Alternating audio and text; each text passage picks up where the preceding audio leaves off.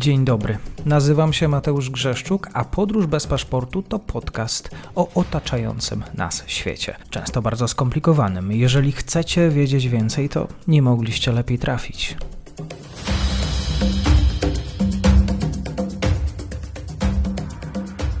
Partnerem odcinka jest Oanda, TMS Brokers, dom maklerski obecny na rynku już od ponad 20 lat. W opisie odcinka znajdziecie link do aplikacji, której możecie otworzyć konto maklerskie i grać na giełdzie, a wcześniej potrenować na koncie demonstracyjnym. Jeżeli otworzycie konto za pośrednictwem tego linku, dostaniecie na start książkę o tematyce inwestycyjnej. Zapraszam, Mateusz.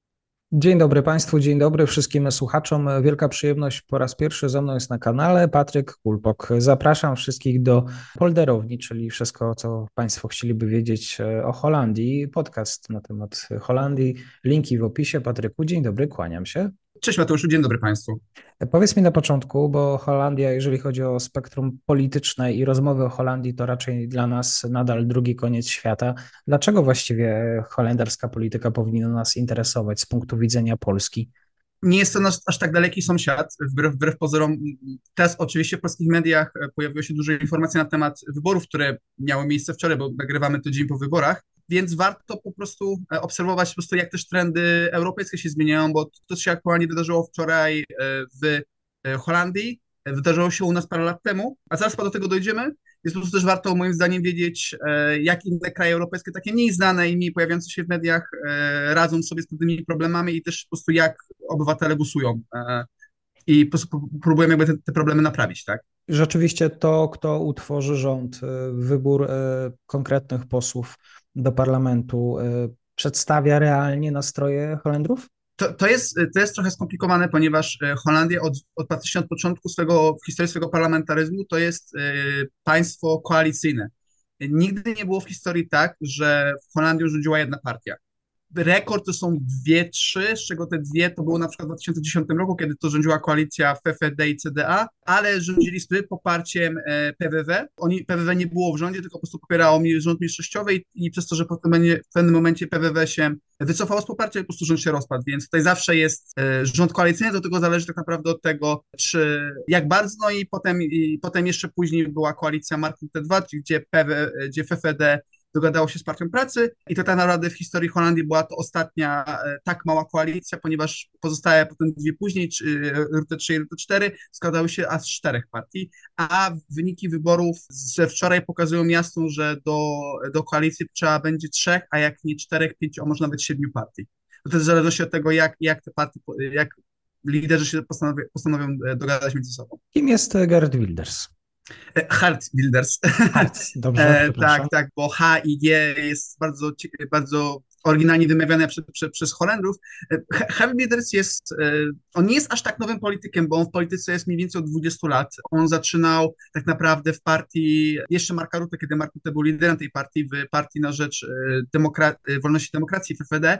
On po prostu pewnym momencie tej partii odszedł, założył swoją własną partię, co też trzeba mieć na uwadze, że to partia oficjalnie PWW, czyli Partei for Freiheit, partia dla wolności bądź na rzecz wolności, tak można tą partię tłumaczyć.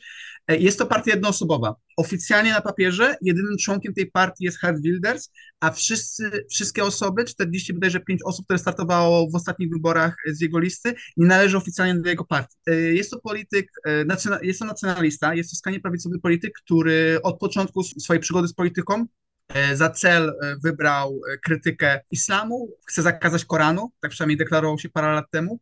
I jeszcze chce oczywiście bardziej restrykcyjnego prawa migranckiego oraz azylanckiego, ale też zdarzyło mu się swoją, swoją niechęć skierować do mieszkańców Europy Wschodniej, w tym właśnie do Polaków, Bułgarów czy do Rumunów, kiedy to parę lat temu stworzył taką stronę meltpunkt.nl, gdzie Holendrzy mogli E, skarżyć się na, e, na imigrantów, tak? Nie tylko zresztą na Polaków, ale po prostu na migrantów, na ich zachowanie. Potem okazało się, że Holandrzy po prostu zrobili przeciwną rzecz, po prostu e, wysyłali pozytywne rzeczy, plus potem została założona inna strona. Aktualnie, jeżeli ktoś chce wejść na tą stronę internetową, to pojawia mu się strona walcz zwalczająca dyskryminację w Holandii. Jest po prostu demo, domena wygasła i została po prostu przyjęta, a sam Herd Wilders, on, on, też, on jest skrajnie prawicowym politykiem, ale też nie jest e, bardzo skrajnym wolnorynkowcem, bo na przykład uważa, że wszelakie zapomogi socjalne powinny zostać.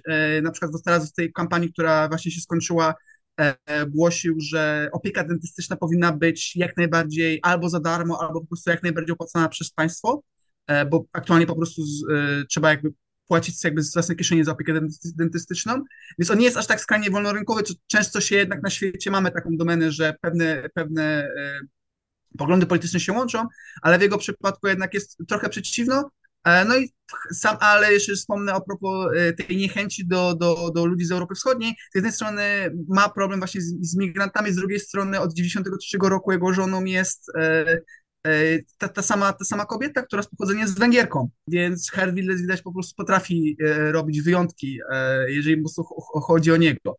Sam Herr Wilders nigdy nie rządził, tak jak wspomniałem na początku, zdarzyło mu się być raz jako popierający rząd Marka Rutte 1, nie, nie, nie, nigdy nie, jakby nie miał, czy nie był premierem, czy nawet nie był nigdy ministrem, on, on zawsze gdzieś tam, gdzieś stał tam z boku, jako też jedna z większych partii w PWW, w, w Tweede Kamer, albo też w Erste Kamer, czyli w pierwszej izbie, drugiej pierwszej izbie parlamentu holenderskiego. Mhm. Antyukraińska, to dobre słowo?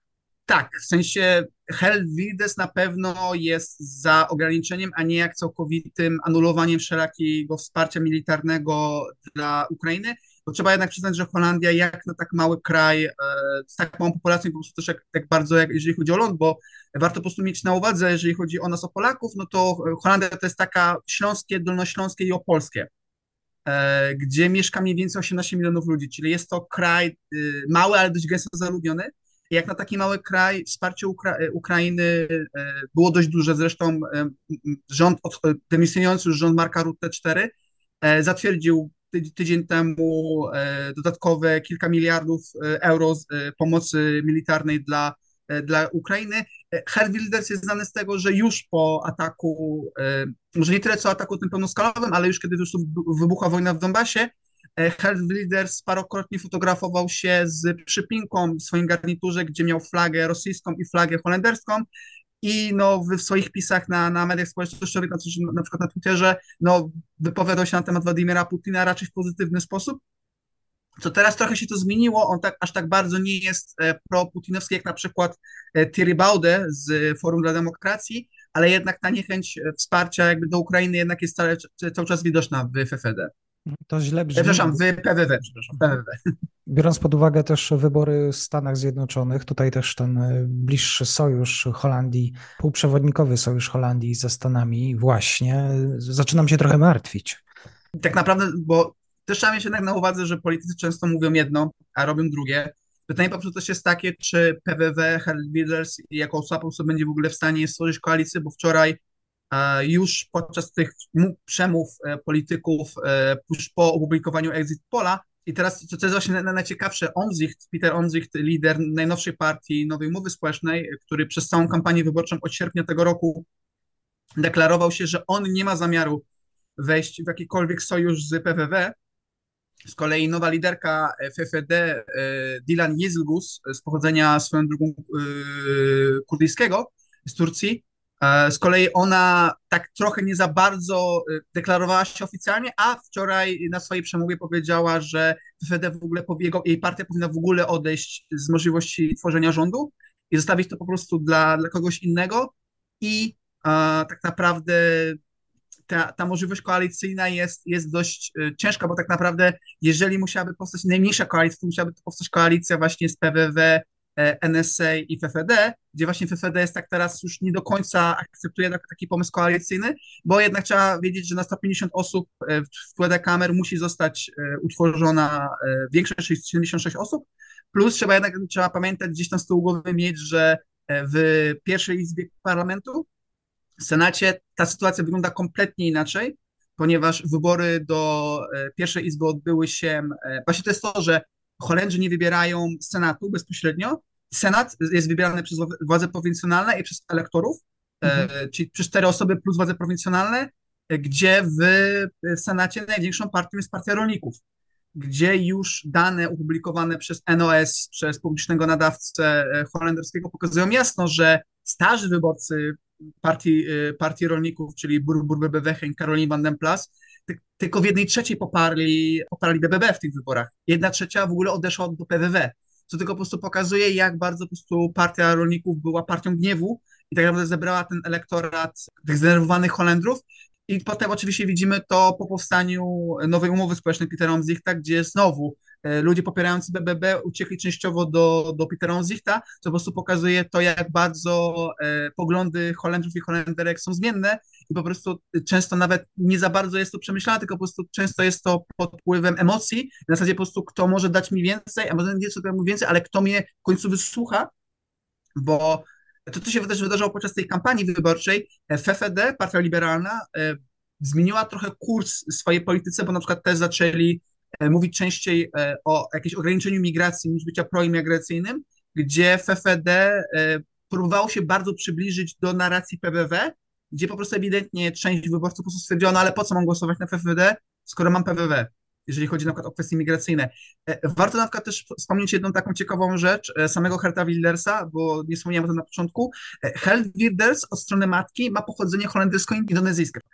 Indonezja, jak być może Państwo pamiętają z lekcji historii, do 1946 roku była kolonią holenderską. Tam zresztą po II wojnie światowej, to też jest trochę absurdalne, bo e, kiedy po prostu zostali, została zakończona okupacja japońska, bo Japończycy po prostu zdołali zdobyć i, i, i okupować Indonezję, kiedy po prostu została e, ta okupacja zakończona, no to Holendrzy wrócili jakby, na, na, można powiedzieć, na swoje stare śmieci, e, gdzie w ogóle na początku byli w ogóle wspierani przez, przez, przez jednostki japońskie, to też po prostu jak się to, to, ten sojusz się zmienił.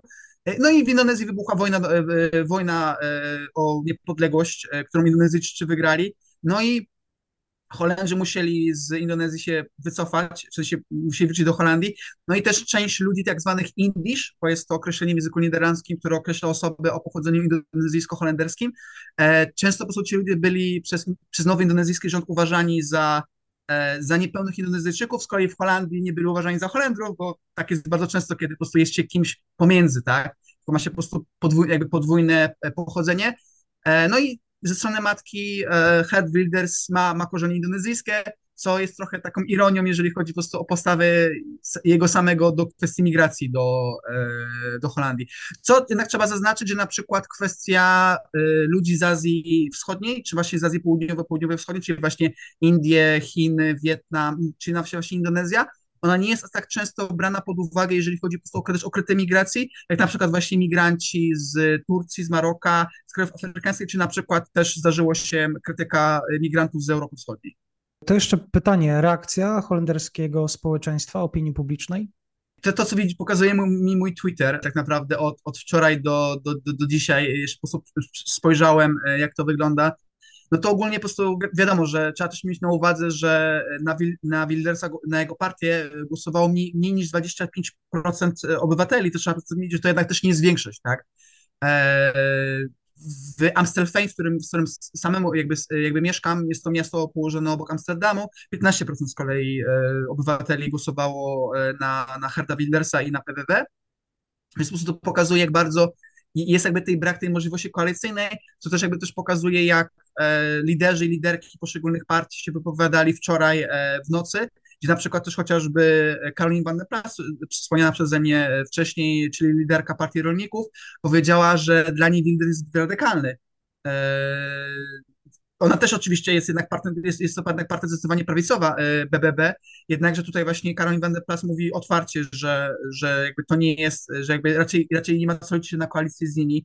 Oczywiście Franz Timmermans, czyli, czyli lider e, koalicji lewicowej, Zielonej Lewicy oraz Partii Pracy, też oczywiście wypowiedział się negatywnie jakby na, jakby na wybory. Oczywiście też miał przemowę, która też bardzo tak zebrała moim zdaniem wyborców tej koalicji, e, tak, tak do kupy, można by tak powiedzieć. No i też jednak Timmermans jest drugą, drugą największą partią, e, no ale też pytanie jest takie, czy, czy o, jeżeli e, koalicja powstanie, po pierwsze ona nie powstanie szybko, bo ostatnia koalicja, która zresztą była taka sama jak ta poprzedni, poprzednia, politycy na to potrzebowali jednego roku, więc pytanie jest takie też, ile potrzebują teraz. Oczywiście mogą się wybory zostać powtórzone, jeżeli koalicja w ogóle nie będzie miała miejsca. E, no bo można po prostu śmiało powiedzieć, że te 15 partii e, w, w Kamer, bo mamy już po prostu mamy praktycznie całkowite wyniki i gdyż to się raczej już nie zmieni jakoś diametralnie, no to mamy 15 partii w, w parlamencie, które jednak startowały osobno. To nie jest jak w Polsce, gdzie na przykład Koalicja Obywatelska miała po prostu pod sobą zebrane kilka partii, i oni po prostu zebrali, i oni po prostu weszli do, do Sejmu jako jeden komitet, bo tutaj poza tak naprawdę y, sojuszem y, na czele którego stoi Franz Timmermans, no te partie są osobne. I to na przykład i, i tutaj właśnie jest y, o tyle właśnie absurdalna sytuacja, że mamy, że mamy największe partie, które mają po 20 parę osób, gdzie PWW ma ich ponad 30, to zresztą trzeba jednak mieć też na uwadze, że PWW e, e, na swoich listach miał 47 osób, do parlamentu zostało się prawdopodobnie 35, praktycznie więc cała jego partia Herta Wildersa dostała się do parlamentu, więc jakby mamy tutaj właśnie te, te cztery największe partie, e, które mają po 20, po 30 parę osób później to spada poniżej 10 praktycznie. Więc, więc po prostu najmniejsza partia na przykład jest, jest Jan Think czyli tak 21, ma tylko jedną osobę. Więc e, tylko po prostu pokazuje, jak, jak bardzo ta polityka holenderska jest rozdrobniona i, na, jak na tak mały kraj, e, jakim jest Holandia, bo do wyborów e, mogli, starto, e, mogli głosować około 13 milionów ludzi, frekwencja wyniosła e, ponad 70%. E, ona wyniosła, już ci nawet mogę, mogę słuchaczom powiedzieć, 74,8%. Jest to, nie jest to jeszcze rekord, ponieważ rekord padł parę na, na poprzednich wyborach, chyba dwa czy trzy poprzednie wybory temu i to było o kilka procent więcej, więc i tak frekwencja była na dość wysokim poziomie, co jednak też pokazuje to, jak bardzo społeczeństwo holenderskie jest podzielone. To też jednak warto wspomnieć, że do samego Tudor Kamer startowało 26 partii, a dostało się tylko 15, czyli mamy wciąż 11 partii, na które dostały pewnie jakieś głosy, ale się do, tej, do tego parlamentu nie dostały. Drodzy Państwo, jak wiedzą, jak słyszą Państwo, duża, ogromna wiedza Patryka. Jeżeli kogoś interesuje Holandia, to proszę teraz kliknąć polderownie. Warto obserwować na platformach streamingowych. E, mam nadzieję, że my się też e, nieco później, żeby porozmawiać o tym właściwie, jakie będą pierwsze decyzje i czy e, obawy okazały się przedwczesne. Patryk Kulpak, bardzo dziękuję za dzisiaj. Bardzo dziękuję Ci Mateuszu i pozdrawiam wszystkich słuchaczy. Dziękuję serdecznie za odsłuchanie tej audycji. Zachęcam oczywiście do kliknięcia subskrybuj, obserwuj oraz wsparcia mojej pracy na serwisie Patronite. Do usłyszenia.